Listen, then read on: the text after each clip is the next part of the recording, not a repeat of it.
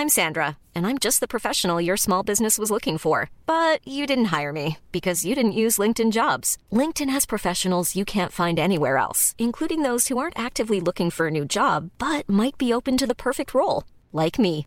In a given month, over 70% of LinkedIn users don't visit other leading job sites. So if you're not looking on LinkedIn, you'll miss out on great candidates like Sandra. Start hiring professionals like a professional. Post your free job on linkedin.com/people today.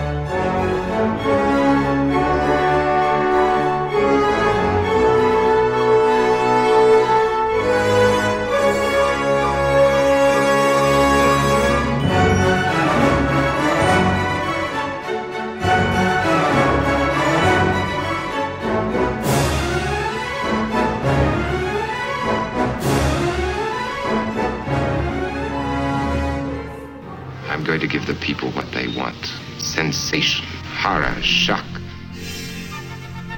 Send them out in the streets to tell their friends how wonderful it is to be scared to death. Ho, ho, ho. Välkommen till skräckfilmscirkeln och ett eh, julavsnitt där vi har haft ett julklappsbyte, jag och Fredrik. Har tomten varit hos dig ännu, Fredrik? Ja, han har ju det. Jag fick en fantastiskt underhållande film. Jo, jag, ska säga det, det, fick jag också, även om ja, den hade sina brister. Sak samma. Den hade ju det. Ja, SMHI har, eh, har lovat en grön jul och tyvärr så lutar det åt att det blir en sådan också. Ja, jo, det ser så ut om man tittar ut just nu. Men Ja. ja. Ja, frågan är hur många som lyssnar exakt när det här släpps. För frågan är om det inte är kalanka just då. Ja, jo. Vi får väl se De, Ja. om folk väljer skräckfilmscirkeln eller kalanka. Det återstår att se. Ja du, nu är det, det är ett år som vi har, ja vi har hållit på mer än ett år. Det är väl ett år och tre månader, något sånt där. Fyra månader Ja. till och med. Hur, Det var eh, ett första, första hela år här Exakt. i poddverksamhet. exakt. Vad, vad kan du säga om eh, filmåret 2019? Ja, men det har varit eh, ett rejält skräckfilmsår i år. Eh, och eh, det, det, det, är ju, det är ju väldigt kul. Eh, jag trodde ju eh, Jordan Peels Ass gick jag och såg här tidigt i januari. Eh, och eh, trodde ju att det skulle vara 2019s eh, bästa skräckfilm. Det var det inte riktigt, men den var originell och kul. Och sen har vi haft eh, remaken på Djurkyrkogården. Vi har haft eh, kapitel 2 utav det. Eh, vi har haft eh, en av mina subgenrer, den här farliga djur. Vi hade den där Crawl, Alexander Ayas film.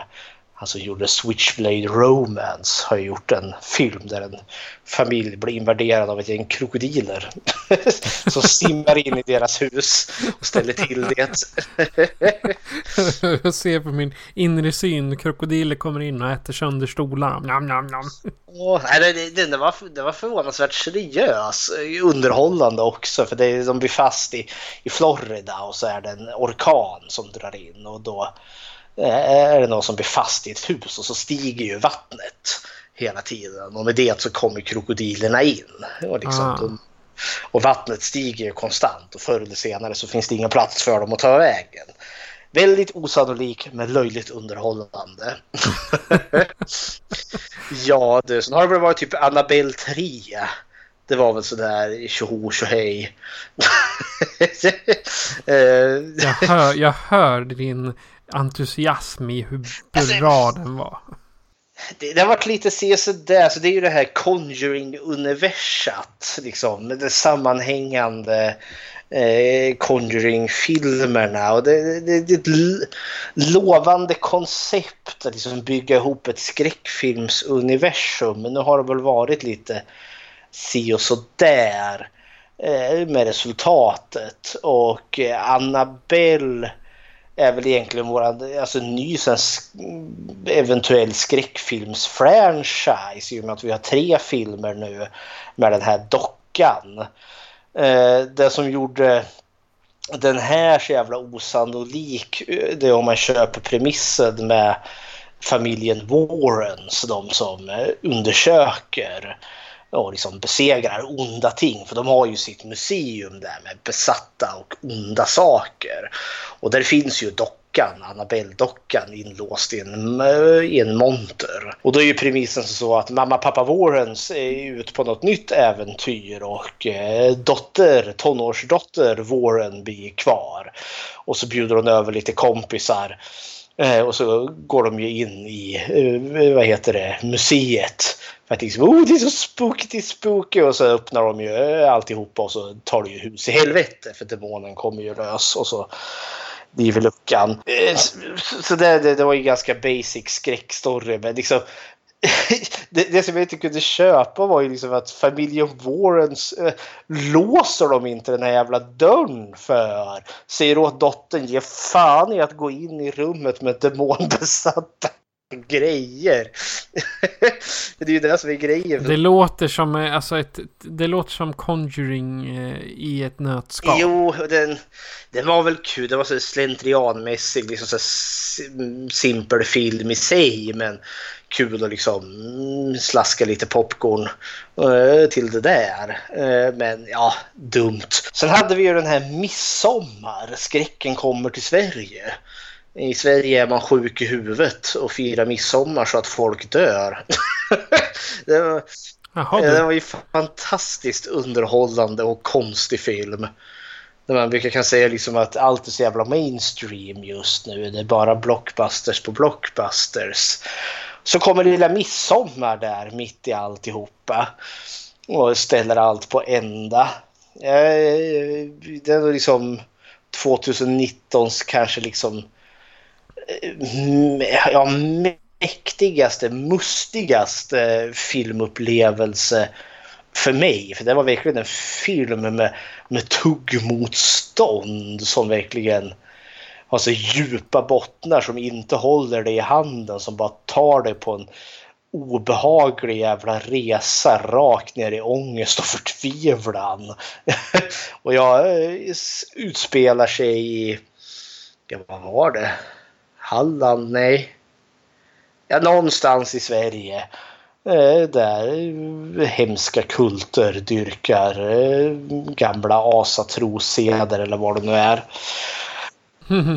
Fantastisk film. Det var ju samma fnissnisse som gjorde Hereditary som hade gjort eh, den här filmen och det märks. Nej, 2019 har varit ganska starkt filmår. Så ja, hepp hepp. Ja, 2019 har varit väldigt starkt poddår för oss också. Inte råga på allt. Jag tänk, ja, för jag, jag tänk, vi, vi satt och, och diskuterade nu innan vi spelade in att vi har, vi har inte gjort, vi har gjort 38 avsnitt men vi har inte gjort 38 filmer. Utan Nej. vad sa vi? Uppåt 50-55 och sånt där. Ja, något sånt där.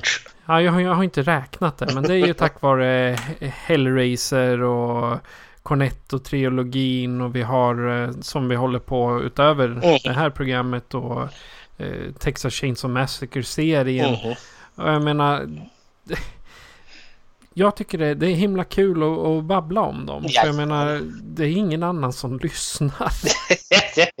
jo, det, det finns ju några, det finns flera trevliga poddar där ute också. Typ, eh, som jag kan varmt rekommendera. Vi har ju alltså svenska skräckpoddar utöver oss. Vi är, ganska sena, oh vi är ganska sena på bollen egentligen. Jag tror de äldsta är väl de här Wakency. De har hållit på sedan 2012 och uppe i 200 avsnitt.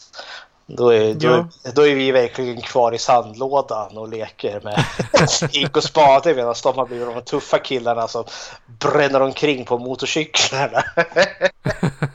och så har vi den här Bitches of Horror. Men nu heter de inte det. Choke on it tror jag de hette. Två svenska tjejer fast som körde på engelska. Och så har den här Varje timmen. Så Riktigt så här. De är kunniga.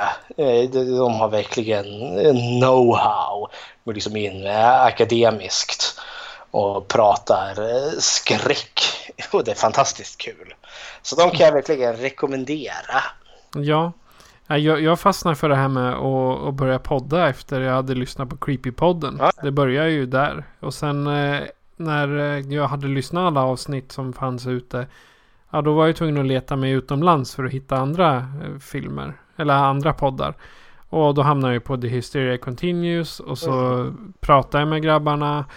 Och så helt plötsligt då så sa jag, "Nej, men jag ska göra en egen. Mhm. Och så approachade jag ju dig den sommaren och ja, här sitter vi 38 avsnitt senare. Jajamensan. Ja, Och i år har vi ju faktiskt varit med i radio. Vi fick en Jajamän. förmiddag på P4 Sörmland. halloween-avsnittet. Exakt. Och sen vet jag, de, de ringde från P4 också och ville ha en kommentar om eh, den nya Star Trek-filmen. Star Wars. Nej, Star Wars. Star Wars, ja. precis. Kontaktade de dig någon gång? Ja, jag, jag satt där och pratade Star Wars.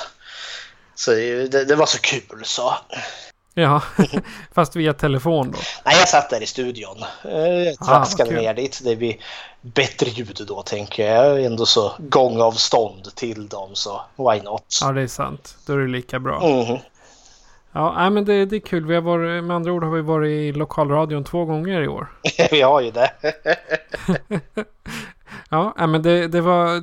Det är ju en av de mest minnesvärda för min del. Man, eh, hela redaktionen kommer fram och säger att vi är så fega, vi vågar inte kolla på skräckfilm.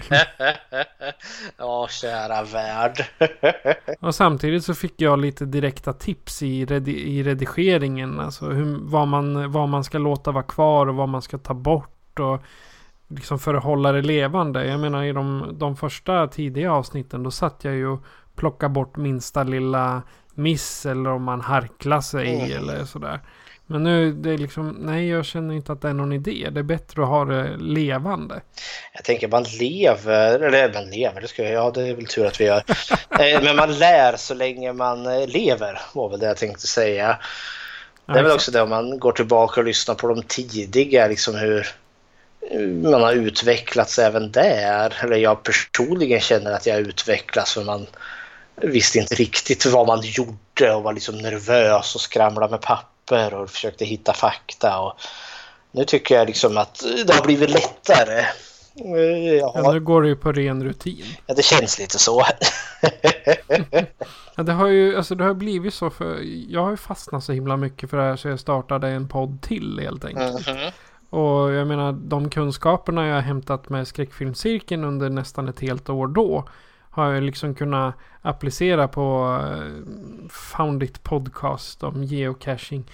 Och på så vis fått en bättre kvalitet både på ljud och inspelning ga- ganska omgående. Jag menar, när vi började då hade jag mitt lilla 199 kronors eh, headset som jag spelade in med. Och nu, nu har jag mikrofon och puffskydd och mikrofonarm och hela, hela köret bara för att få till ett ordentligt ljud. Mhm. Jag vet första avsnittet då hade du inte ens ett headset va? Nej, då talade jag rakt in i mikrofonen på laptopen. Exakt. Och nu är det ju, jag menar, må många säger att ljudet är bra när de lyssnar på oss. Och det är, det är fantastiskt kul. Ja, det brukar spraka åt mitt håll. Vi är inte riktigt kloka på, på varför. För det gör, jag brukar kunna få så höga toppar har jag hört när jag har lyssnat. Det liksom bara Ja. sprakar till. Jag vet inte om det är min, mina lurar eller om det är liksom kall på, på Skype-linjen. Ja, jag skulle gissa på att det är Skype-linjen. Och en, en sak som är, är rätt eh, kul, eller kul och kul, det som är lite speciellt är att vi, vi bor i samma stad, men vi har bara spelat in ett enda avsnitt i samma rum.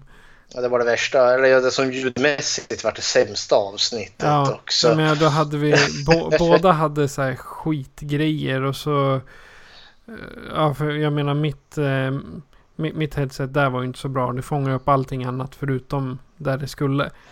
Och Kära ja, precis. Men så var det. Vi har utvecklats ganska mycket sedan dess. Mhm. Både kvalitetsmässigt och lyssnarmässigt. Mhm. Ja, men det är bara roligt. Ja, men vi, har, vi är uppe i 3000 lyssnade Woho! avsnitt nu. Det är inte Kan man dåligt. säga. Och då undrar man ju Ja, också hur precis. många det som har lyssnat på ett helt för vi har ju fått väldigt långa avsnitt har jag upptäckt.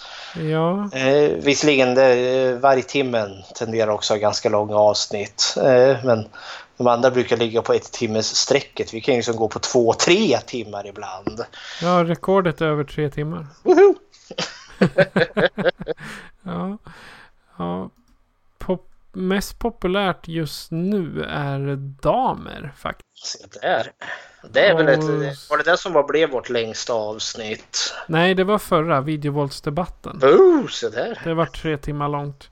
Nej, videovåldsdebatten var 2.50 och förra avsnittet om de här tre, tre filmerna. Ja, Det var tre, tre timmar.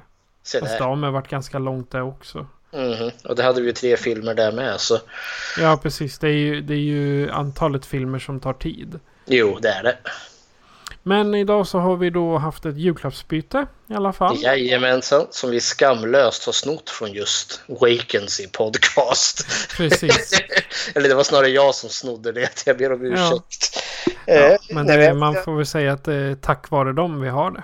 Ja, vi har ju snott det mesta från The Hysteria Continue också. Så Ja, exakt.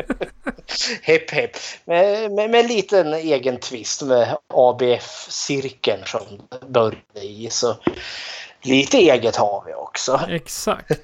Vad fick du för julklapp utav mig? Ja, jag fick Cold Creek Manor från 2003. Jajamän. Och jag fick eh, White Noise utav dig från 2005. Precis. Det var ju det att vi har bara huggit varsin film som eh, vi inte vet vad det var för film vi skulle på. Nej, precis. Jag kan ju säga förra året så vart det varulvstema som båda valde varulvsfilmer. Ja, jag fick Howling 3 och du fick Cursed. Ja, två riktiga skitfilmer. Ja, två riktiga för vi var väldigt samspelta här. Ja, Men den här gången är vi inte riktigt lika samspelta. nej, nej. Men eh, om vi börjar med Cold Creek Manor då. Let's do it. Ja, så kommer en trailer.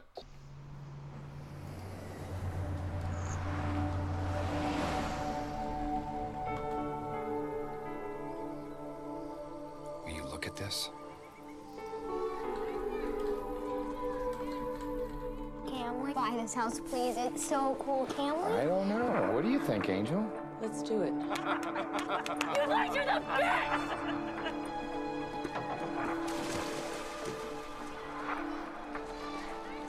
Are you happy here?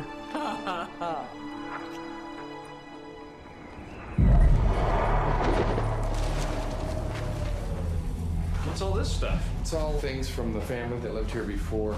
I'm studying the history of Coal Creek Manor.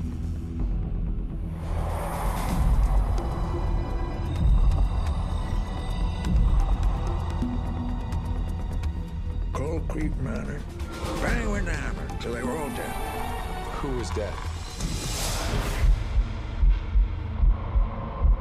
I was hoping that you would talk to me about Coal Creek Manor. You should be careful. Do you know what you're getting yourself into? Do you know anything about the people who lived in the house before us? Word to the wise. Don't stir things up. One family's past Oh my god. holds the clues to his family's fate. Mom, come here. What is this? The house is just a shell, right? You live in it for a while, then things change.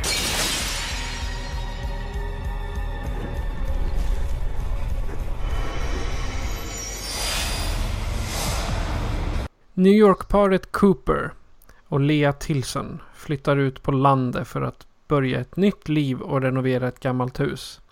Husets förre ägare erbjuder sig att hjälpa till med renoveringen men snart börjar Cooper ana att det ligger onda avsikter bakom erbjudandet.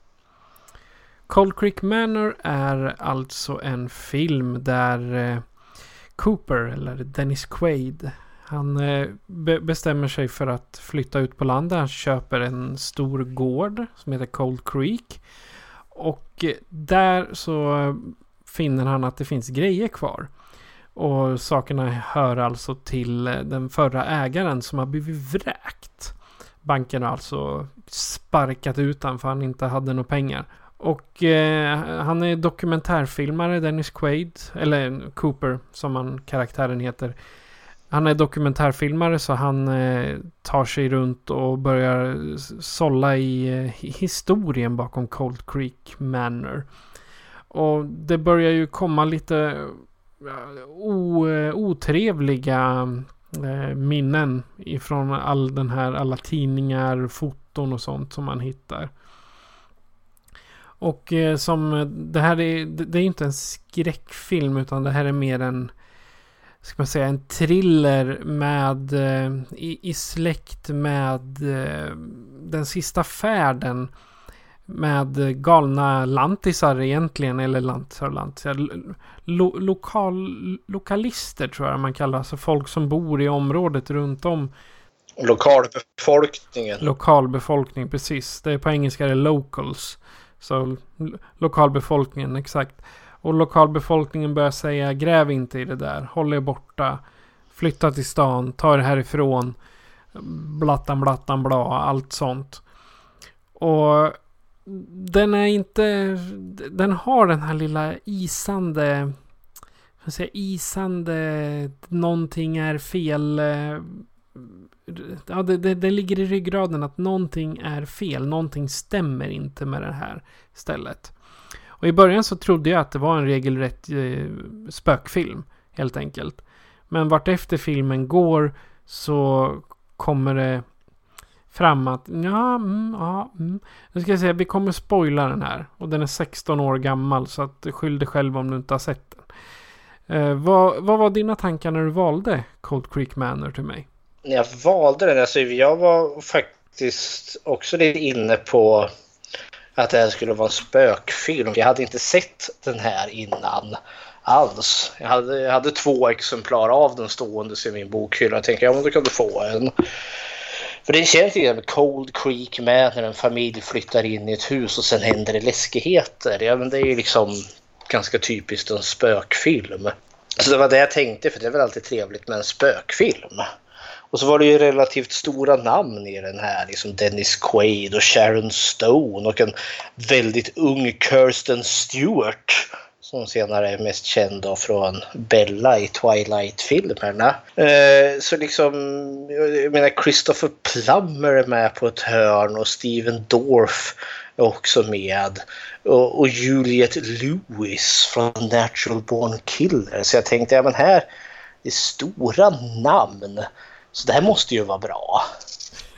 Men det var det ju inte. det var ju ingen spökfilm. Det var ju inte alls jag tror, ja, det, det, det var skit. Rätt och slätt. Ja, fast jag, det, var, det var, alltså jag tyckte ändå att det var spännande. Även fast det inte var det här tydliga att nu blir det spännande och nu så kommer det hända massa dumma saker och det är hemska folk som attackerar dem.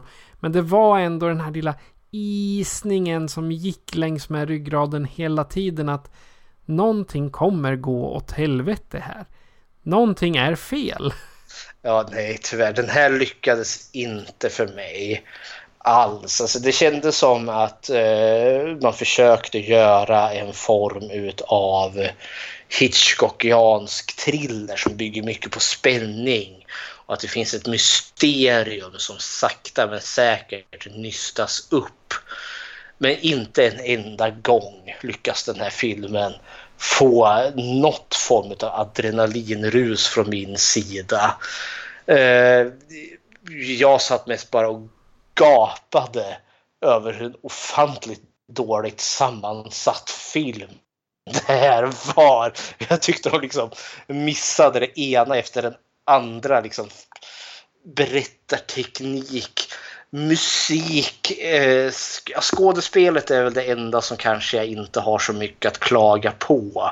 För det är ändå så genuina skådespelare med här. Men de har ta med tusan ingenting att arbeta med. Och det här är ju också Plot Hole, the movie. Alltså det, det, det, för att försöka vara liksom förankrad i någon form av verklighet och en bild av autenticitet så fet failar den ju så står härliga till. Det var fascinerande att se. Det här är nog liksom, liksom det, det, här är verkligen liksom en, en guldmålad bajskorv. För mig. Det är, liksom, det, det, det är skit men det är ett snyggt omslag. Ja. Jag, jag, jag, jag bara satt och gapade för det här, som sagt, det här är den sämsta film jag har sett på riktigt, riktigt länge. Så ja. ja. Nej men alltså det, det, var inte, det var inte bara själva, själva handlingen. Men det, det är som du sa, det var plot holes.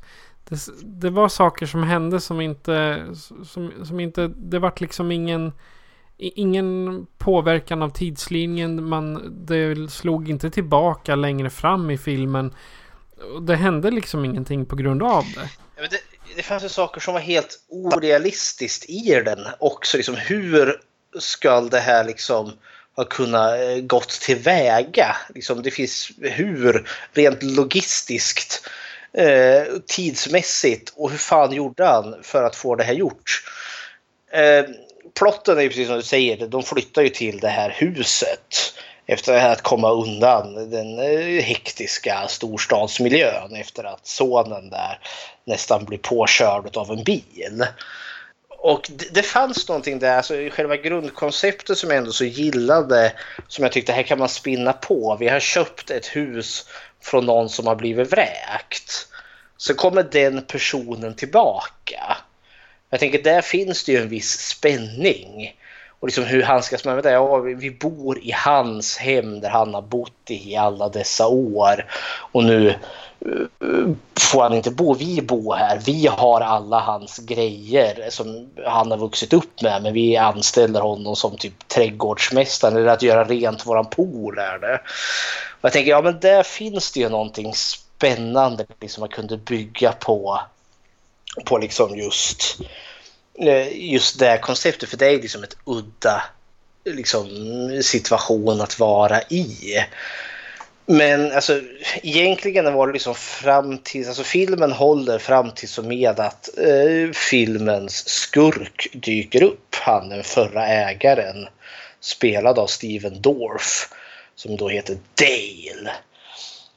För det var ju liksom snacka om att liksom, ja, eh, jag kollade lite extra material här regissören. Ja, man måste ju bygga spänning så att liksom eh, hålla liksom folket liksom lite eh, på spänn så man inte vet liksom, oh, vem är det som är den schyssta killen, vem är det som är den elaka killen.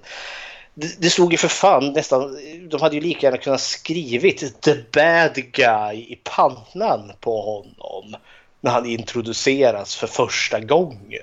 Ja, ja herregud. Ja, för det var ju verkligen liksom som att hmm, vad kan det här vara för karaktär som man introducerar nu liksom? Ja, nej, det är skurken. Finns det någonstans däremellan vi skulle kunna tro att han inte är skurken? Nej. Han är liksom otrevlig och har ett konstigt sätt redan från start. För han introduceras med när de håller på liksom och flytta, de har flyttat in där och håller på och eh, meckar med allting. Och så sonen där liksom plötsligt kliver in och så får han syn på en främmande människa som står där med liksom ryggen vänd mot honom och håller på och bläddrar i något, eh, något fotoalbum. Så går han liksom in och säger att det står en okänd människa där ute och så kommer ju familjen ut. Åh, vem är du? Och så zoomar det upp på hans ansikte där liksom står liksom eh, blickar tomt och innehållslöst liksom in i kameran.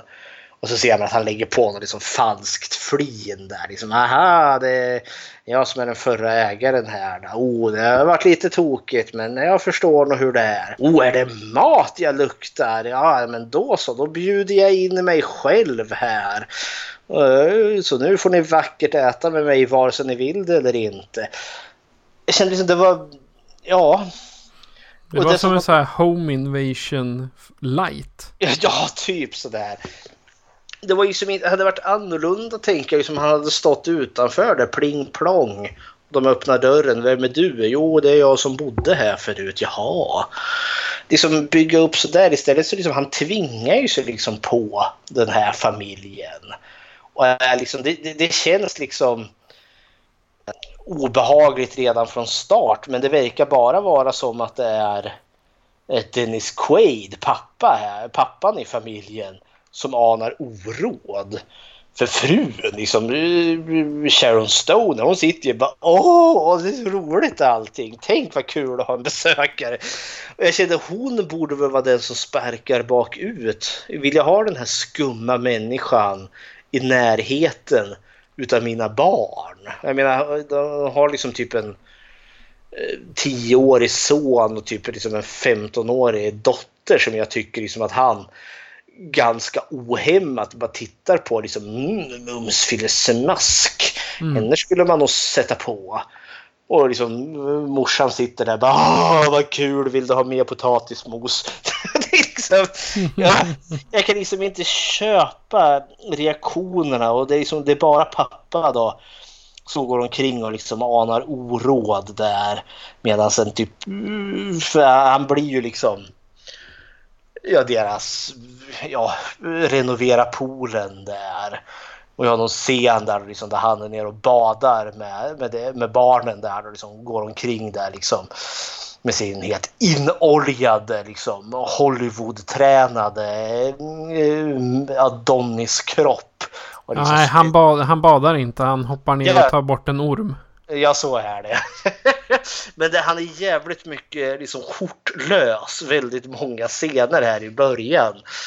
Eh, och liksom ändå så i närheten och kring de där ungarna medan mamma sitter där och liksom fnittrar och ser glad ut. Jag trodde att han skulle, alltså i längden, eh, typ ragga upp mamman. Ja, det trodde jag väl också, men nu, nu vart det liksom inte riktigt så.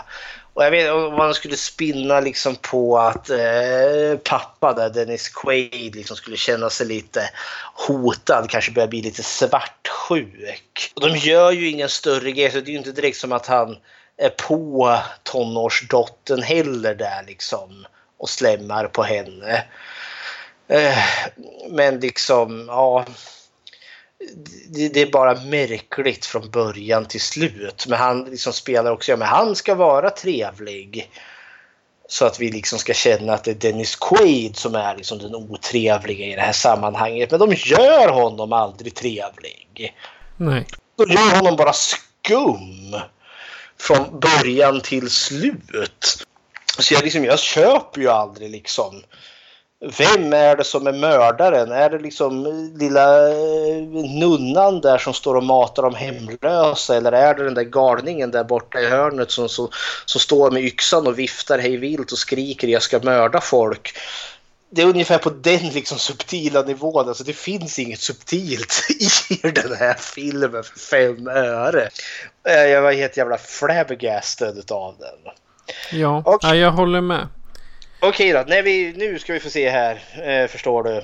När vi riktigt, eh, när de slänger ut Dale, eller, vilket också var en knepig jävla scen. Eh, de vaknar upp, vi har haft den här ormen som simmade i, i poolen. Eh, plötsligt vaknar de upp och det ligger en orm i, i sängen eller som Sharon Stone upp till det är någonting som rör sig under. Äh. Och så drar hon bort och så är det en orm, ah, så läskigt. Så är det ormar överallt. Det är liksom hela huset är fullt med ormar. Och det visar ju sig att det är, ja, det, vi ska väl förstå då att det är Dale som har liksom ninjat in de här ormarna på ett helt obegripligt sätt. Jag undrar hur fasen han har fått tag i alla. Ja, och varför har han... Jag, jag, kan, jag, jag kan ju köpa det om han liksom har varit ute i skogen och liksom letat orm och stoppat dem i en säck och sen liksom bara slängt in dem, tömt säcken någonstans i huset. Men, men saken är den att vissa av de där ormarna, de äter ju varandra. Det är alltså giftormar och icke giftiga ormar, men alltså- giftormar tar koll på vanliga ormar. Ja, men alltså det, är ju, det här är också så jävla taffligt och dåligt för det är verkligen Ja, en skallerorm eh, ligger där och skallrar någonstans. Fine, det köper jag. Det är läskigt. Det är en farlig orm. Den är dödlig. Men den som ligger i sängen, det är en jävla pyt. Eller en boaorm. jävla terrarieorm som inte finns liksom fritt där. Så har den en sån där röd och vit svartrandig exotisk sak som jag liksom förväntar mig liksom eh, ormar omkring skog. Alltså det är ett jävla popperi av eh, fantastiska olika ormar. Olika arter. Och det är också sådär, vad är det här för jävla slarv? Eh, om jag liksom ska köpa någon form av att, eh, att, att Dale har liksom slängt in en massa ormar, ja, då, lär det, då, då tror jag inte att Dale gick till den lokala djurbutiken och köpte ormarna. Jag tror inte att den lokala djurbutiken hade dem, alla de ormarna heller. Jag tror inte det finns en lokal djurbutik, för det är liksom en byhåla. Han måste ju ha varit ute i skogen och fångat dem. Ja, men herregud.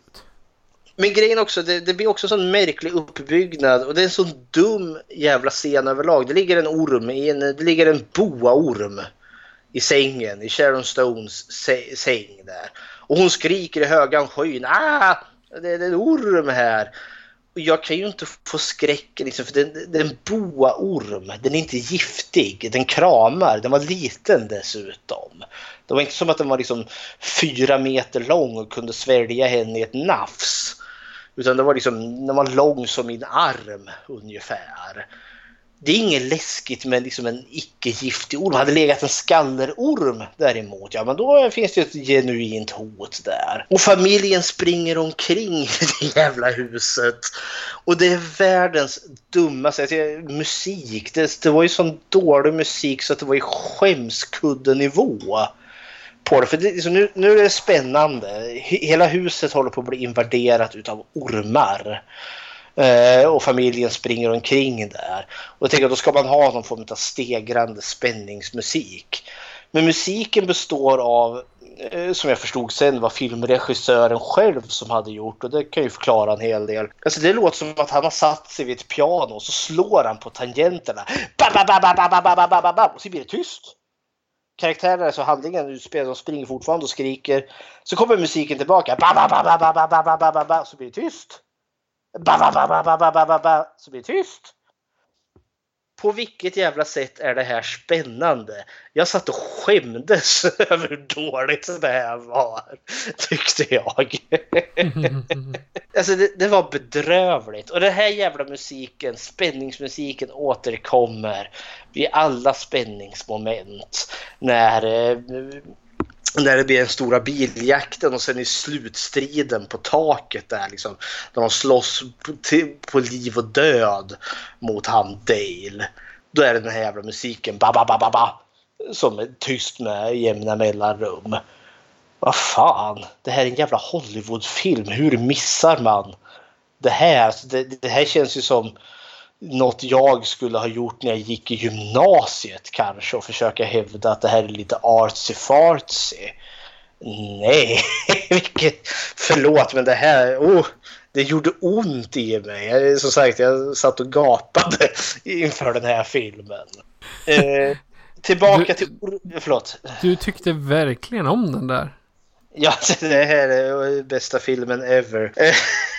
det här, alltså de klarar ju inte av att bygga en vettig storyline heller. Efter eh, det här med ormarna. Eh, familjen flyr upp på taket och står där och skriker. Eh, och då kommer ju Dale och hans polare som håller på och ska bygga i poolen. Och så hjälper han ju dem ner. Liksom. Jag kom hit och hit. Sen därefter, ja, nu har jag sparkat Dale. Vi fick liksom inte ens en konfrontation. Jag sparkade Dale för Dale släppte in ormarna. Eller det är snarare det Dale som säger att jag förstår att nu har jag fått sparken. Men det har inte sagts någonting.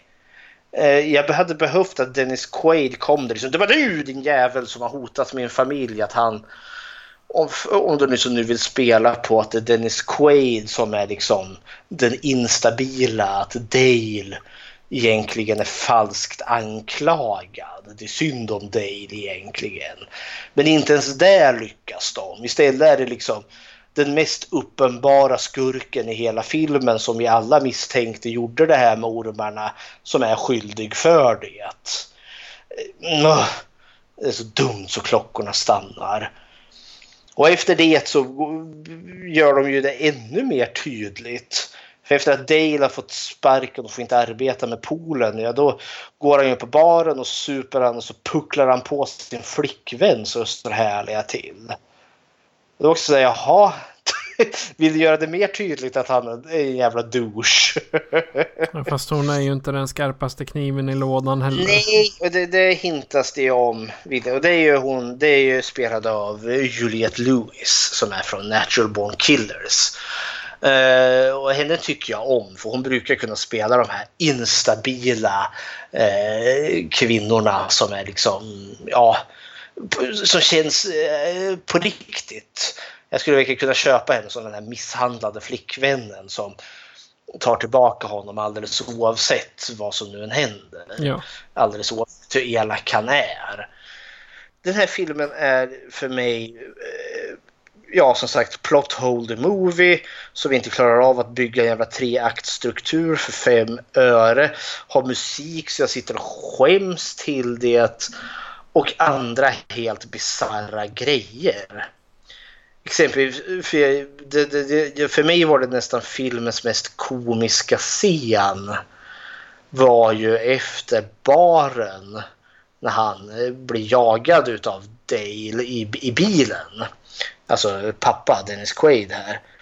Han råkar ju köra på ett rådjur. Eh, för han, han är ju lite berusad här och så när han kom hem igen. Eller är det ett rådjur? Ja, det är ett rådjur han kör på. Ja, men det är där, det är där hela, hela twisten blir. Där att eh, det är hästen som är död, men de tror... Och det här är ju så dumt.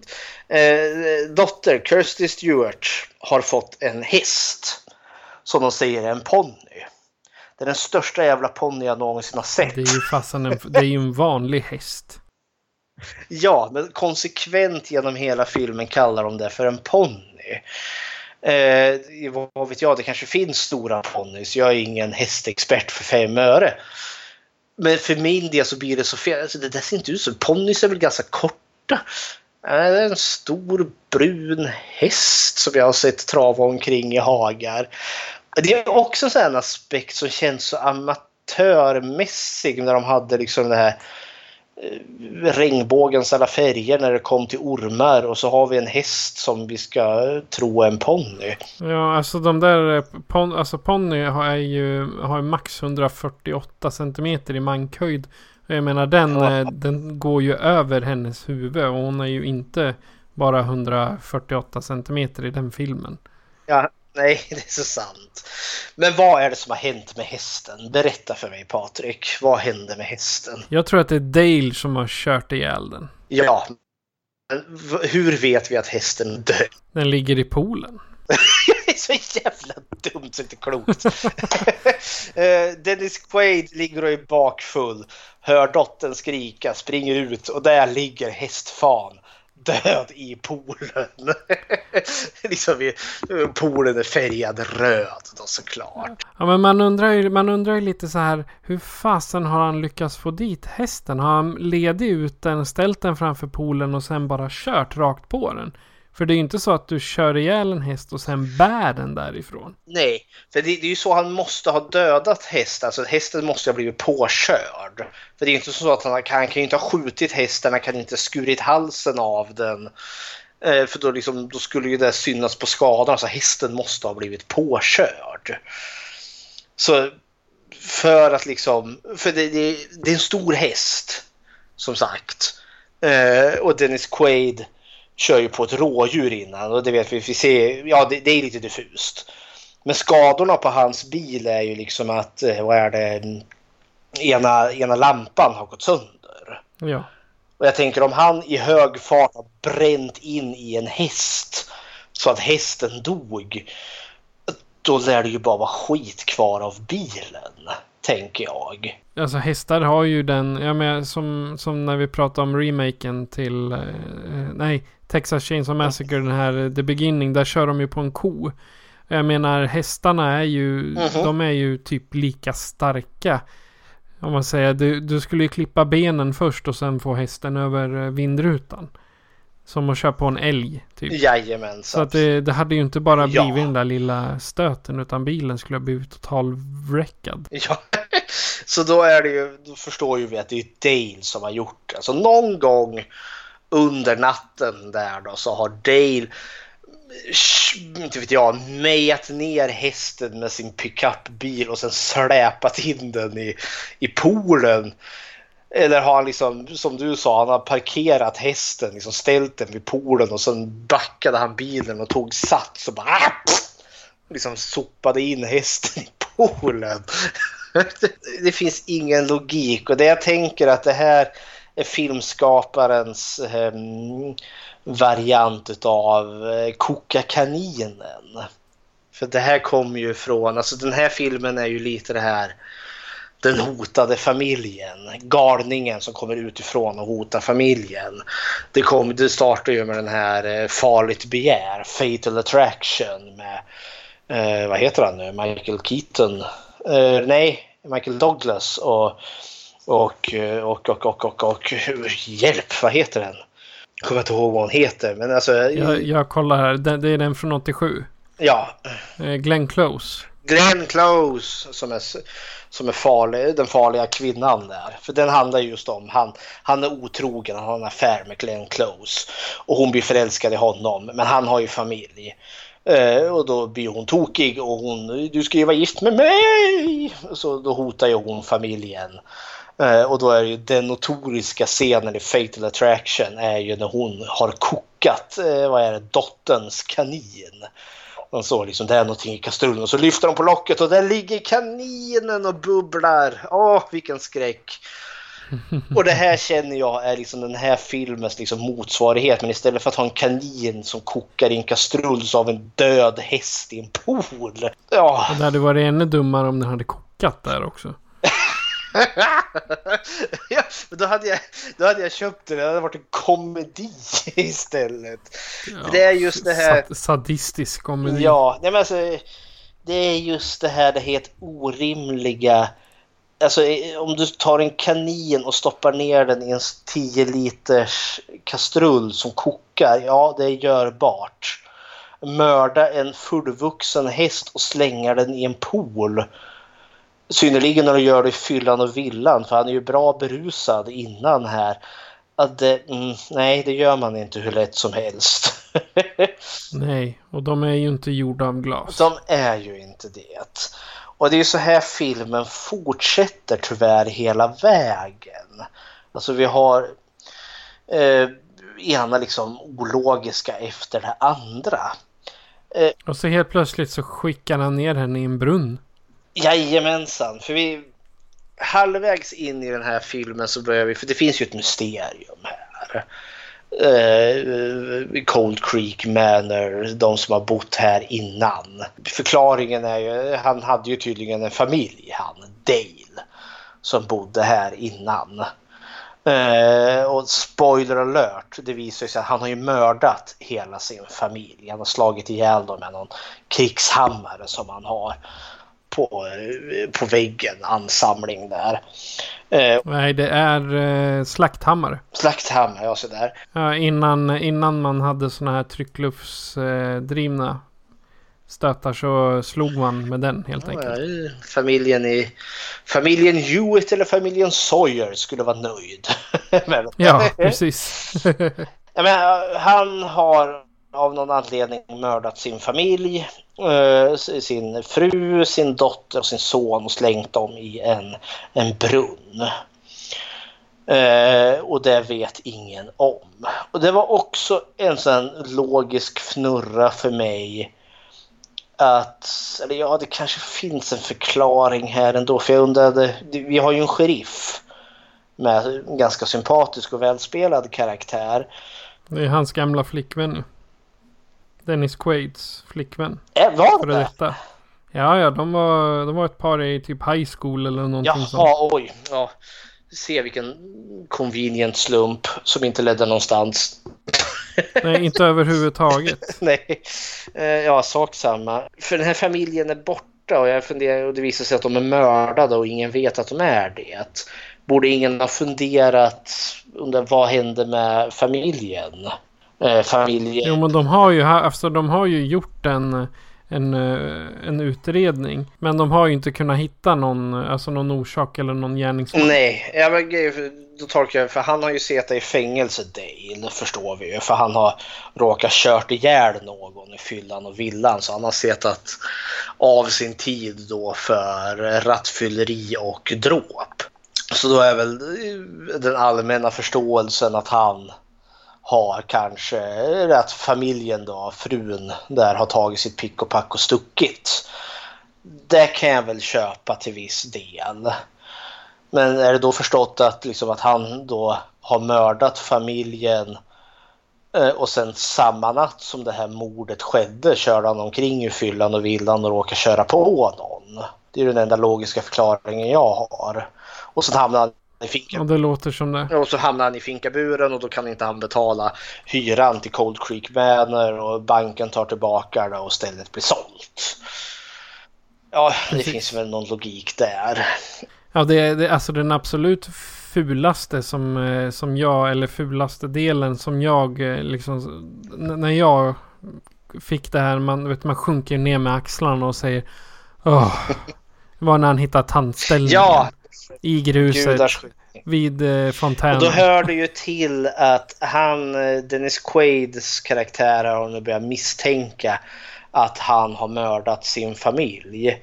Till och med frun blir ju övertygad om detta. Han har mördat dem. När hon liksom vänder på steken och kommer fram till att han är en dålig kar.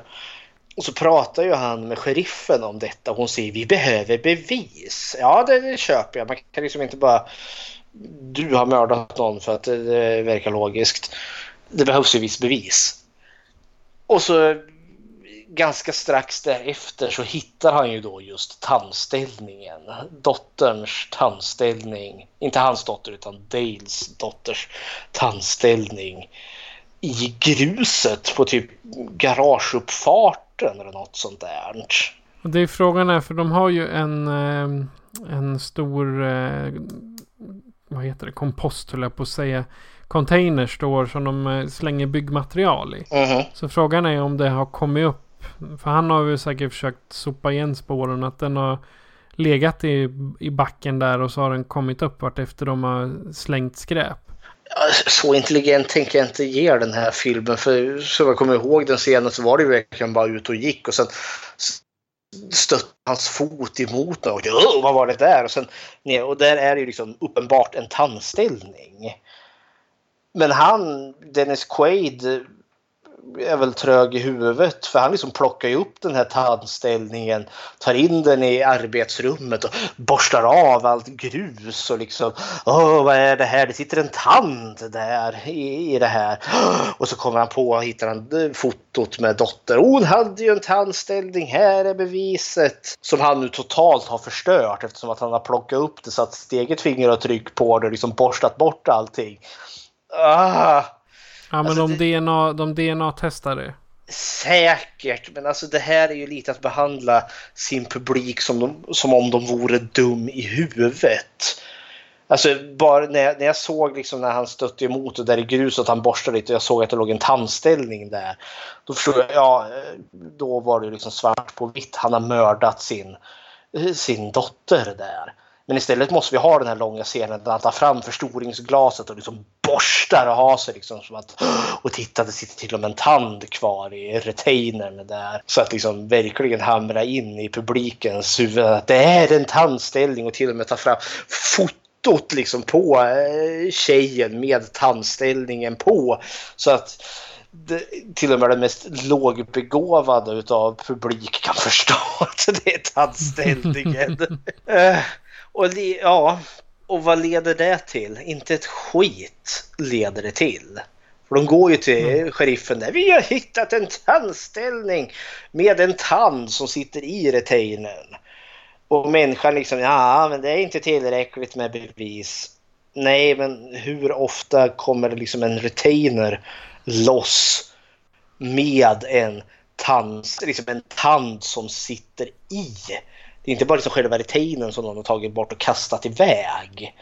Alltså det är väl tillräckligt för att liksom kunna gripa någon till, eller ta någon till förhör.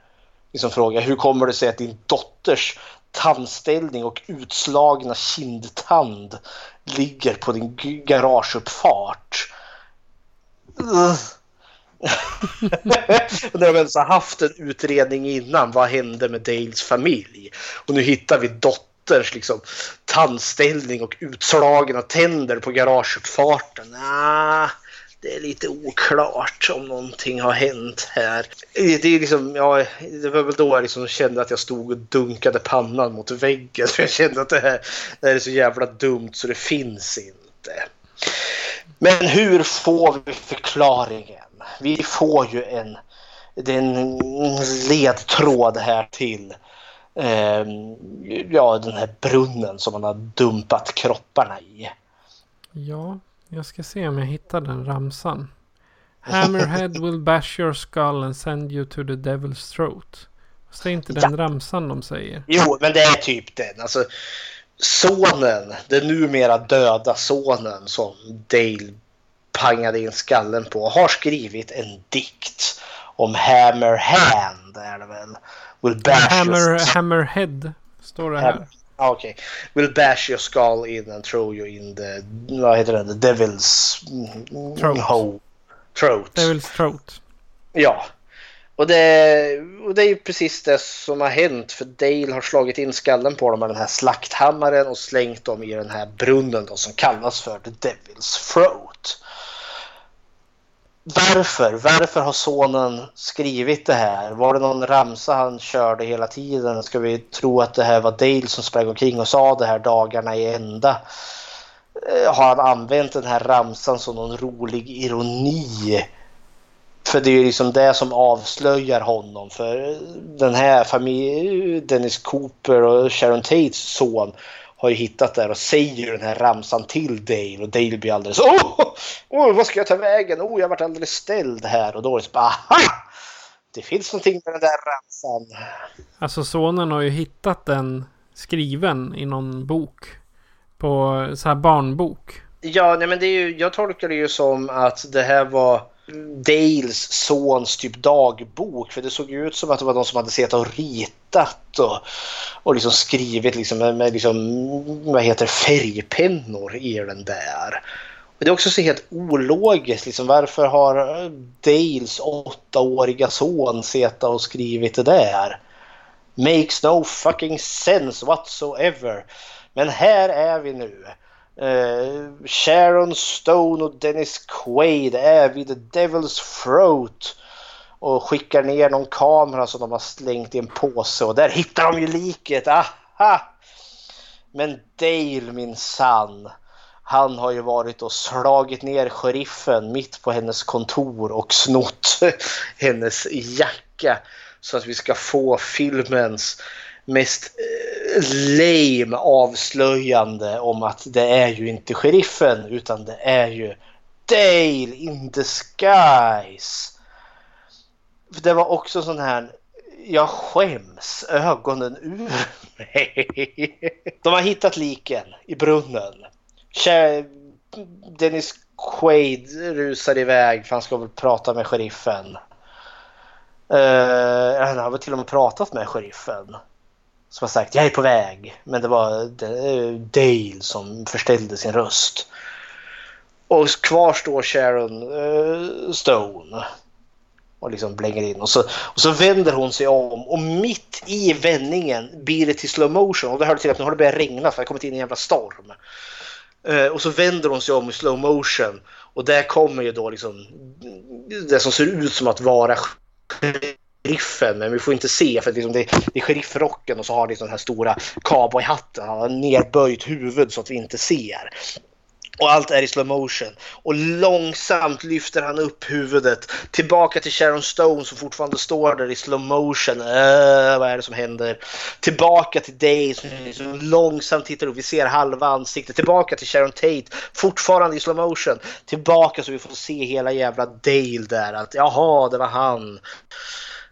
Och det är en jävla slow motion sekvens som kanske varar i typ mm, 10 sekunder. Och jag vet vad fan är den där jävla slow motionen pålagd för? Den är ju pålagd för dramatisk effekt. Och den gör ju raka motsatsen. Som sagt, jag satt och skämdes med den här filmen. Ja, du, alltså, du var inte ensam om att göra det. Jag tittade på, på IMDB så kan jag ha några av de här som har gett eh, en, en stjärna. Då har Mhm. vi en heter Close the manor down. Kommentaren. Eh, så här, Corny cliché manor. I blame Richard Jeffries. Ja, jo, hej hopp. Det här är kliché och plot hole the movie. Eller så har vi No Oscars here. Eh, Mike Figgits gets my vote for all time worst director. Ja, ja, men det här är... Det, ja, som sagt. Cold Creek Morons. Mhm. Ja, men det är också... För det, alltså, den här filmen är verkligen liksom en... Den attackerar alla mina sinnen samtidigt. Men det här är också... Ibland har man ju en film som är så dålig så den blir bra. Eh, men den här filmen är, den är så dålig så att den är inget annat än dålig. Den är så dålig så att den blir dålig. Ja, den är och förblir dålig. Eh, och det är just också för att jag känner att den här filmen behandlar mig som publik som en, som en idiot. Som att jag är lågbegåvad och inte fattar någonting. Eh, vi får ju filmens slutstrid mot Dale där på, på taket på huset. Det regnar och det blixtrar. Det är så överdrivet dramatiskt så det är inte klokt. Du vet liksom många filmer har ju så sista punchline liksom när hjälten ska besegra skurken där. Typ Hasta la vista baby. Eh, typ actionfilmer är väldigt bra på det. Typ som i True Lies när Arnold tar livet utav terroristledaren där som sitter fast på vad är det, en raket. Och så säger han You fired! Och så trycker han på knappen och de skjuts iväg. Den här filmen har ju också en sån scen. Där liksom de ska ha sista liksom coola repliken innan de besegrar skurken. Och där är liksom Dale har tryckt in dem i ett hörn. Alltså Quaid och Sharon Stone. Och de har lyckats få tag i något rep där som håller i varsin ände. Och planen är då att de ska springa fram mot honom med det här repet hållande sig mellan sig så att han liksom blir träffad av repet och på så sätt så kan de dra omkull honom.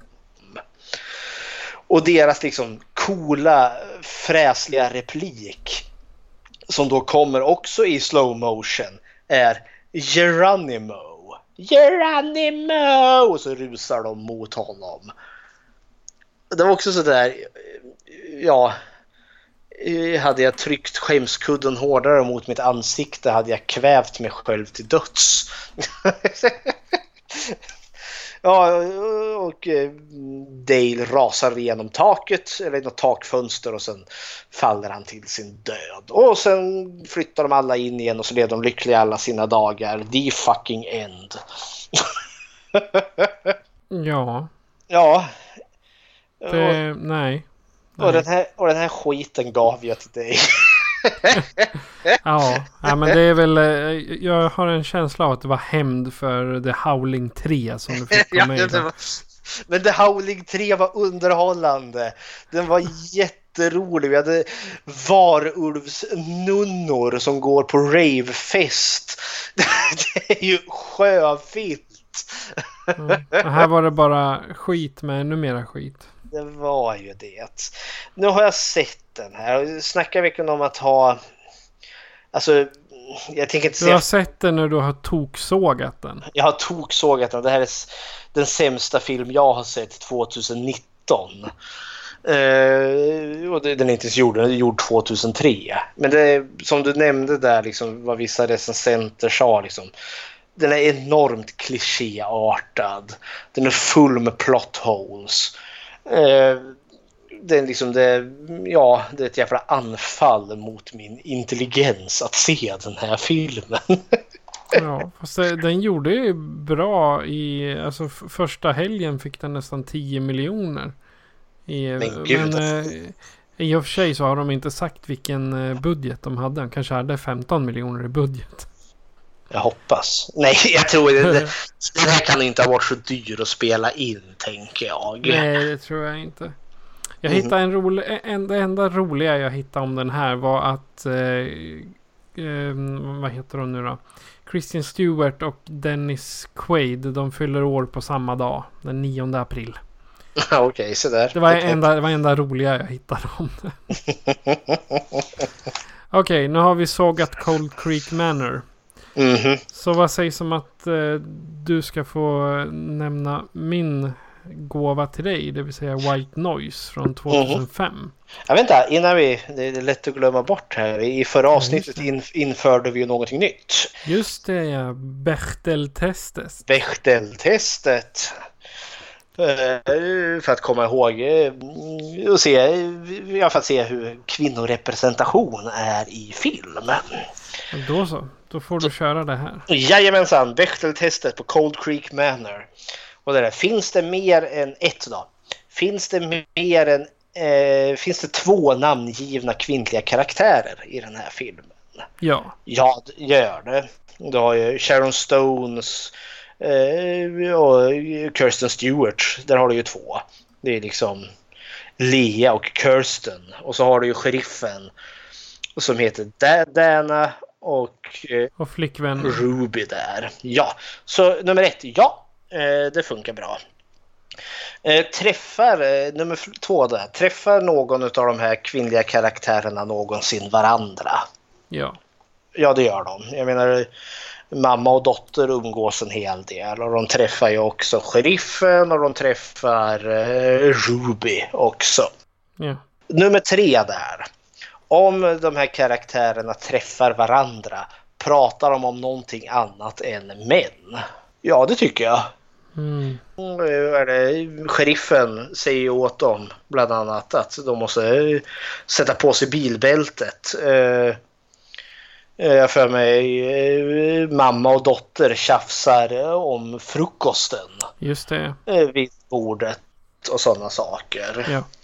Eh, Ruby skäller väl ut eh, Sharon Stone vid ett tillfälle. Fast nej, då, då skäller hon ju ut henne för att de behandlar hennes kar dåligt. Så nej, det går inte. Nej. Men ja på alla tre. Den här klarar Bechteltestet. Ja. Och det är det enda positiva jag tänker ge den. Okej.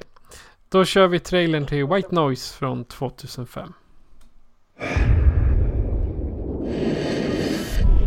What you are about to hear is real. It has not been edited or enhanced.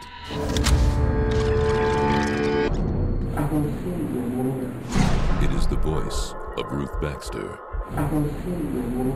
This voice was recorded in August 2003. Ruth Baxter died in 1987. Electronic voice phenomenon, EVP, is the process by which the dead, through sound and image, communicate with the living through the static and white noise of modern electronic devices.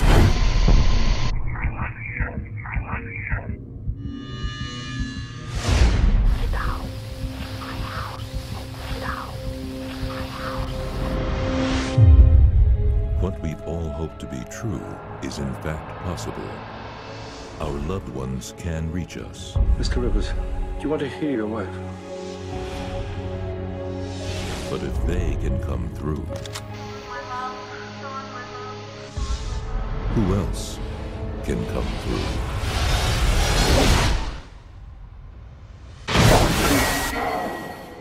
It is one thing to contact the dead. It is another thing to meddle, and you are meddling.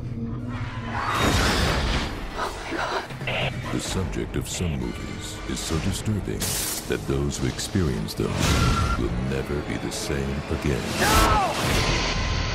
White noise.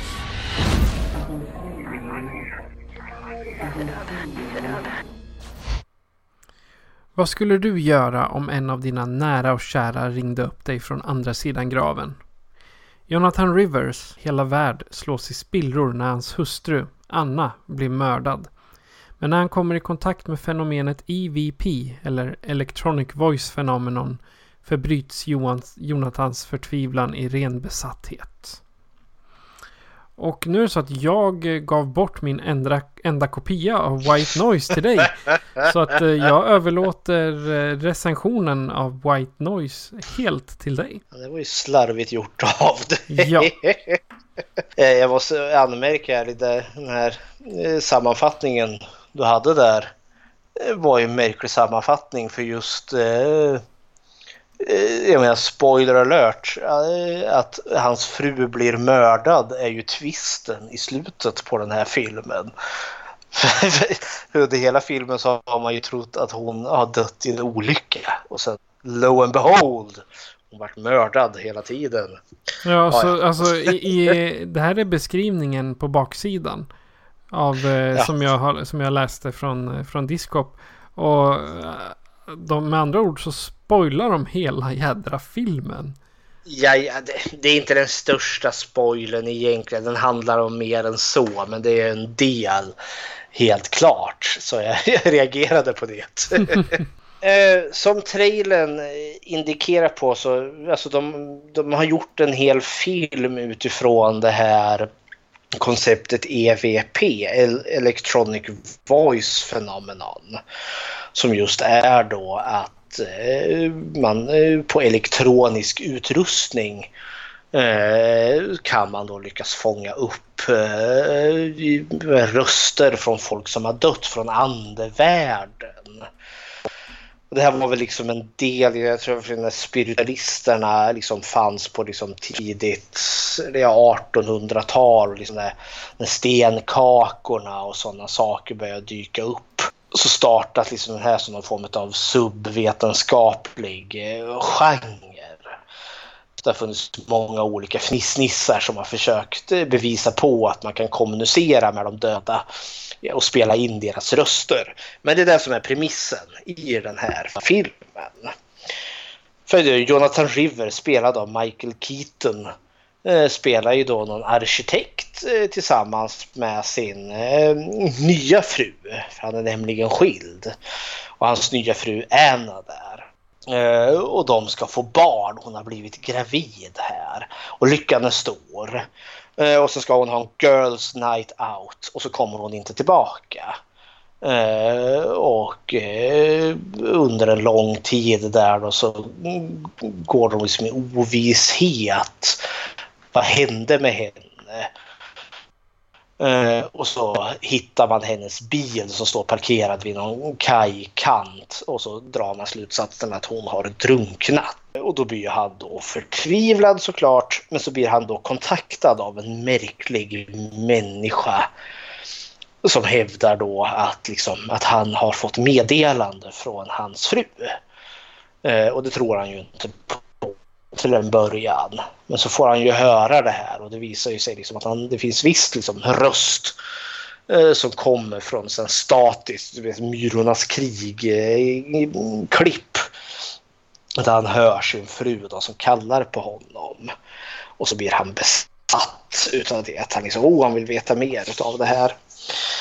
Eh, det här var en ganska överraskande film. Alltså det här är ju, det här är ju en spökfilm. Rätt och slätt. Eh, men det här är en spökfilm utan jump scares. Utan det här något kommer och säger bu bakom en gardin eller något kommer springandes skrikandes mot skärmen. Den här tar jäkligt lång tid på sig jag, jag var lite fascinerad över den här filmen för det, det, det spenderar väldigt lång tid med just det här EVP-biten. Då han liksom träffar den här märkliga mannen som heter Raymond. Som var en ganska sympatisk karaktär. Eh, som jag kände, oh, jag vill veta mer om honom för han har tydligen men en kufisk, konstig liten människa som under de senaste 20 åren där har upptäckt att han har något sätt att kunna kontakta de döda. Och det sker ju då genom just bruset, det statiska bruset på tv-apparater som man då måste spela in på, på eh, VHS-kassetter och sen för han över det Eh, på, på dator så han kan liksom förstärka ljudet och sådana saker och då hör man mer tydligt. Och så har han då liksom hjälpt en massa anhöriga eh, som har fått komma i kontakt med sina, med sina nära och kära och få avslut där. Bara det känns som att här kunde det finnas liksom potential till en film i sig. Då, liksom hur Michael Keaton går ner sig liksom där. Han vill höra allt från sin fru. Eh, och då kan du börja missunna, för han har ju en son sedan ett tidigare äktenskap. Och att han kanske börjar, liksom, börjar ignorera sin egen son där då, liksom att allting går åt skogen. För att han blir så besatt av att liksom, prata med sin döda fru. Men de spinner inte på det. Istället så går det liksom över nästan ja, vid halvtimmesstrecket eh, börjar det här liksom bli någonting helt annat. För det visar sig att eh, det finns snälla spöken och det finns elaka spöken. De förklarar inte riktigt vad det är direkt. För vid något tillfälle när han sitter och lyssnar så blir rösterna jättearga helt plötsligt. För som oftast är det bara någon som säger någons namn och liksom i love you eller något sånt där. Och plötsligt så kommer det in jättearga röster som liksom på Fuck you! May you rot in hell you pig! Och liksom bara drös ut hat kommer liksom rusandes ut ur högtalarna. Och då får vi det förklarat utav han Raymond där som säger att det finns väldigt många. Det, det, det, finns många bra människor men det finns också dåliga människor och det ser även så ut i efterlivet. Men så förklarar han inte riktigt mycket mer än så. Och det, det var helt okej okay för att skapa en viss mystik. För jag trodde först som många så spökfilmer tenderar att göra, det skulle oh det är demoner onda andar från helvetet. Men det får vi inte riktigt. Faktum är att vi aldrig riktigt kommer få någon vettig förklaring vad de här rösterna var. Eller är ens en gång. Det är liksom dåliga människor som en gång i tiden har dött.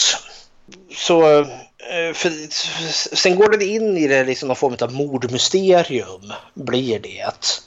För han eh, människan Raymond introducerad ungefär kanske 35 minuter in i filmen där det mest har liksom fokuserat på vad EVP är. Eh, Får vi de här läskiga rösterna och ganska strax därefter blir han Raymond dödad. Eller han hittas död. Hela hans hem vänt upp och ner. Och så ligger han död i en hög där någonstans. Och då tar Michael Keaton upp. Liksom, han, han börjar göra det här på egen bevåg liksom skaffa, eh, spela in det statiska tv-bruset och så liksom för att hitta. Och så börjar han liksom hitta, eh, börjar ett mysterium nysta upp där han liksom, ja, han får meddelande av personer som har dött. Och så hittar han ju någon som liksom, ja men det visar sig att hans farmor var död där då. Eller mamma var det som hade dött. Och så lyckas han få kontakt med henne och så får hon avslut. Liksom, Åh vad vackert och fint, vad glad jag blir. Och liksom, ja, eh, han liksom beklagar sorgen. Men så visar det ju sig liksom att ja, jo, mamma dog ju för två dagar sedan så det är ju väldigt färskt. Och då är det ju märkligt. För han har ju fått de här meddelandena i en hel veckas tid. Hur går det ihop? Det betyder att han har ju fått meddelandet från den här kvinnan som nu är död innan hon ens dog. Om det nu var från henne han fick meddelandena. Jo men det är från henne. Det, det börjar de etablera. Eh, för sen eh, kommer det upp att han får ett nytt meddelande från en kvinna där. Som liksom skriker i skräck. Och han får liksom något... Eh, han får liksom en, en, en, en eh, adress. Alltså en gatuadress. Uh, och så får han liksom en uppmaning från sin döda fru. Liksom, Gå dit! Och så går han ju dit. Han åker dit någon mörk kväll. Och så hittar ju han då en, en bil som har krockat mot en elstolpe. Och där finner han ju den här kvinnan eh, som han då har sett i de här liksom, spökmeddelanden som alltid då kommer från döda. Men hon är ju inte död. Utan hon, eh, allt det han har sett liksom spelas ju upp här nu ungefär som att han har fått sett en bild av från framtiden. Parallellt med det här så, som vilket var lite snyggt gjort med de här, vi fick ju de här arga elaka rösterna. Och som parallellt har dykt upp i det här statiska bruset är att vi fått se tre skuggor. Skuggor utav tre personer som har funnits i bakgrunden. Som vi inte riktigt vet var de är eller vad de vill. Men det finns någonting hotfullt över dem. Och när han kommer springandes till den här bilolyckan då ser man tre skuggor som bara försvinner snabbt därifrån. Och då förstår man att de här tre skuggorna har någonting med olyckan att göra. Uh, och han lyckas ju inte rädda henne, men han lyckas rädda, lyckas rädda hennes uh, typ spädbarn som sitter i bilen. Och då blir han då helt övertygad om att uh, han eh, har möjlighet att rädda folk. Han får meddelanden från framtiden som hans döda fru håller på och hjälper honom. Så han kan liksom bli som en räddare i nöden här. Eh, och fortfarande så har vi liksom inte haft Alltså det, det har varit det, det, är kuslig stämning i den här filmen. Det är spökligt och liksom musiken och allt det där. Men vi har inte haft de här tre eh, skuggorna som har kommit ut ur mörkret och attackerat honom utan de har bara funnits där. Vi är inte ens säkra som publik att han har sett spökena eller de här tre skuggorna. Och det funkade förvånansvärt bra tyckte jag. Det är liksom att eh, han, han, alltså vi som publik vet nästan lite mer och samtidigt vet vi ingenting. Eh, men vi vet att de här tre hotfulla skuggorna finns där men vi vet inte vad de vill eller varför. Eh, för liksom något parallellt med det här också visar ju sig att, att det talas om någon kvinna som har försvunnit. Eh, och så börjar han få meddelanden från henne också. Eh, och det visar att han, han, måste hitta den här kvinnan för nu är han ju övertygad om att han, han får meddelanden från folk som ännu inte har dött. Men gör han ingenting så kommer de att dö. Eh, och det är det som då blir filmens knorr i slutändan på något vis och vänster. Och det visar sig att det leder fram till en, till en seriemördare som i sin tur också håller på med EVP här. Det är så han hittar sina offer. Och han är vägledd utav de här tre spökena, de här tre skuggorna. Som vi, som vi inte får någon förklaring alls om vad det är. Kan det vara så att de ska symbolisera dödens ryttare då? Nej, de är fyra stycken. Ja, de är fyra, ja. Just det. Apokalypsens riddare. Okej okay då. Nej, om man utgår från filmens egen logik så pratar de ju om att det finns de som bara är genuint elaka, dåliga människor. Och jag tänker liksom, de här skuggorna får liksom manifestera det som är människans vilja till att göra andra människor illa. Och att de här tre skuggorna då inspirerat och väglett den här seriemördaren vilket också, för det, det, den här filmen får vissa logiska problem. För eh, första gången vi faktiskt får se de här skuggorna i aktion, det är vid den här bilolyckan. Och då känns det ju som att det är skuggorna som har orsakat den här bilolyckan. Det känns inte som att det är seriemördaren som har prejat dem av vägen. Eh, för seriemördaren typ kidnappar folk och håller dem i en sån gammal industrilokal där han liksom mm, petar på dem och torterar dem med, med tänger. För det är hans grej. Men eh, ja, den funkade utifrån sin konstiga stil här, sitt konstiga berättartempo. För den är riktigt en slow burn den här filmen. Och jag tänker framförallt gilla för jag gillar hur den här slutade. För Michael Keaton, han kommer ju dit, han, har ju, han lyckas ju få ledtrådar så han kan komma till den här platsen där seriemördaren finns och där han håller den här kvinnan som har varit borta. Eh, och eh, kan ju också då lista ut att hans fru drunknade inte i en olycka utan det var, hon vart mördad av den här mannen. Eh, och så kom, hittar han ju den här kvinnan fast i den här mördarens tortyr eh, stol eh, och konfron- ska ju då konfrontera eh, mördaren och står ju ansikte mot ansikte där. Men i, eh, för här tog filmen mig lite med, med överraskning. För här trodde jag nu ska han bli hjälten. Han ska besegra seriemördaren och eh, rädda den här kvinnan. Och säkert kommer han få lite problem med de här tre skuggorna som kommer att ställa till det. Men det som händer är nu, spoiler alert för den som inte vill få slutet spoilat här. Eh, de tre skuggorna dyker plötsligt upp och mördar Michael Keaton. Han lyckas inte få in, alltså han lyckas inte göra något mot varken seriemördaren. Han lyckas inte rädda den här eh, kvinnan utan han blir ganska eh, utan större problem mördad utav de här tre skuggorna. Han har inte en chans emot dem. Det förvånade mig för jag tänkte liksom, ah, jag måste hitta något liksom, mm, eh, liksom eh, något sätt att liksom besegra de här onda skuggorna eller att hans döda fru skulle komma tillbaka där och liksom rädda honom vid the power of love eller något sånt där. Nej, han blir mördad. Men eh, på vis och vänster räddar han dag för polisen.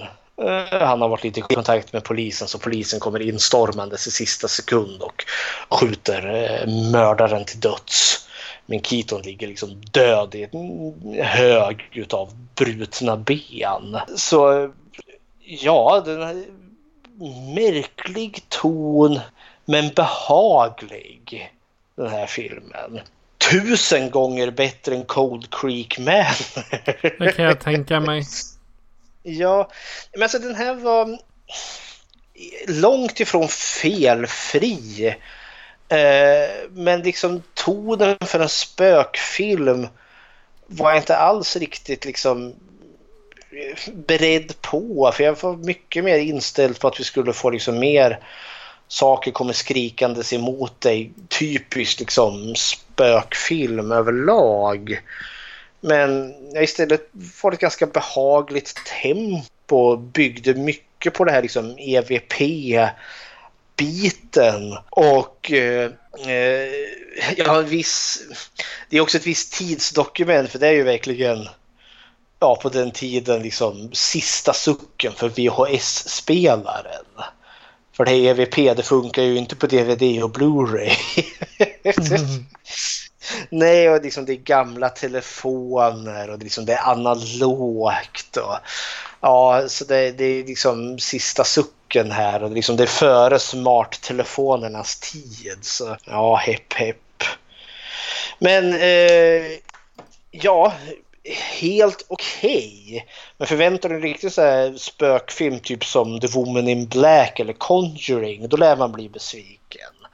Men förväntar man sig liksom någon lite så här eh, småputtrig eh, film som eh, försöker hävda pseudovetenskapliga teorier som EVP eh, är sanning så har du mycket att hämta härifrån. Så eh, ja, den här tackar jag så mycket för. Och så rekommenderar jag dig att leta upp den för jag kollar på den själv. Jaha. Ja. Ja, jag läste lite så här trivia. Eh, det sägs, det, det framgår inte av någon fakta, att vissa av de här EVP-inspelningarna eh, e eller uppspelningarna som exempelvis Uh, I love you, säger den. Mm. Att, det, att det ska tillhöra en politiker som dog 2002. Det sägs. Ja, alltså det, ja, att det ska vara äkta. Men det mm. måste jag ge den här filmen. Det, det, vet jag inte om jag köper. Uh, men just alla de här spökbanden, de här rösterna och ansiktena som dyker upp i de här statiska eh, banden är väldigt effektfullt. Den liksom, det känns inte cheesy och liksom tramsigt på något vis och vänster. Utan det, det, det skapar en viss känsla av obehag och lite det här ja, tänk om, tänk om. Så det finns saker som ja, men liksom skapar liksom den här liksom mystiken mer än kanske obehaget. Så ja, hepp. Ja ja, det var typ det enda intressanta som fanns om den. Ja, det, det, det finns mycket siffror och, och så. Man, man, man, kan säkert gräva ganska djupt i den. Men om jag inte har helt fel så satt, fanns det lite extra material på skivan. Som du fick också. Jo, men det gjorde jag. kollade på något och det var ju någon sån här liksom... Alltså, det var någon intervju med människor som just håller på med EVP och liksom försökte förklara att ja, men det här är sant och riktigt. Och det, nja, ja, ja, ja. Det, känd, det kändes lite desperat. Och det känd, eller ja, desperat är fel att säga, men det kändes lite ungefär som Discovery Channel eh, har gjort något. Oh, det spökar eh, i, i, på, på herrgården här och nu har vi fröken eh, Griselda här som kan spå i kristallkort eller kristallkort, kristallkula. Jag vet det, de, de kände, det där var det så uppenbart liksom pseudovetenskap men det finns något mysigt med det också. Det är liksom, ibland är vi ju, kan jag själv känna mig lite tråkig. Jag kan säga det här liksom, jag brukar säga att jag, jag, tror inte på Bigfoot, men jag vill tro på Bigfoot. Ja. För livet, för livet blir så mycket mer intressant. Ja. Tror jag på det här EVP? Nej, men det skulle vara roligare om det vore så. Ja. Ja. Har du sagt ditt om White Noise nu? Ja, jag ska utsätta den för Bechteltestet också, eller Bechdeltestet. Ja. Och det, den första den är om det finns mer än en namngiven kvinnlig karaktär. Ja, det gör det. Det finns flera styckna eh, som har ganska stora roller där. Träffar de här kvinnorna någonsin varandra? Nej. Så, ja. Redan i redan i fråga nummer två där. Ingen av de här kvinnliga karaktärerna träffar varandra och då blir ju svar på fråga nummer tre. Om de nu skulle träffa varandra, talar de om, om någonting annat än män? Nej, de träffar aldrig varandra så. Nej, White Noise klarar inte Bechteltestet. Nu skulle jag haft någon sån så här... Vi... Quack, quack, quack, quack, fast jag har inte den. Vi får väl föra någon statistik här för nu har vi kört Bechteltestet på fyra filmer här. Ja. Texas Chainsaw Massacre, eh, Texas Chainsaw Massacre The Beginning, Cold Creek Manor och White Noise. Och utav fyra möjliga så är det tre som klarar det och en som inte har klarat det. Så än så länge bådar det ju gott. Ja. Mm -hmm. Då så. Eh, om det är så att du som lyssnar har en trevlig julhälsning eller har någon mer åsikt om Cold Creek Manor eller White Noise så kan ni göra så här för att kontakta oss. Skräckfilmscirkeln presenteras av Patrik Norén och Fredrik Rosengren. Besök skräckfilmscirkeln.com för att se hur du kan kontakta oss, var du kan följa oss och hur du kan stödja oss. Lämna gärna ett betyg på iTunes, Spotify eller Podbean så att fler kan njuta av våra diskussioner. Tack för att du lyssnar!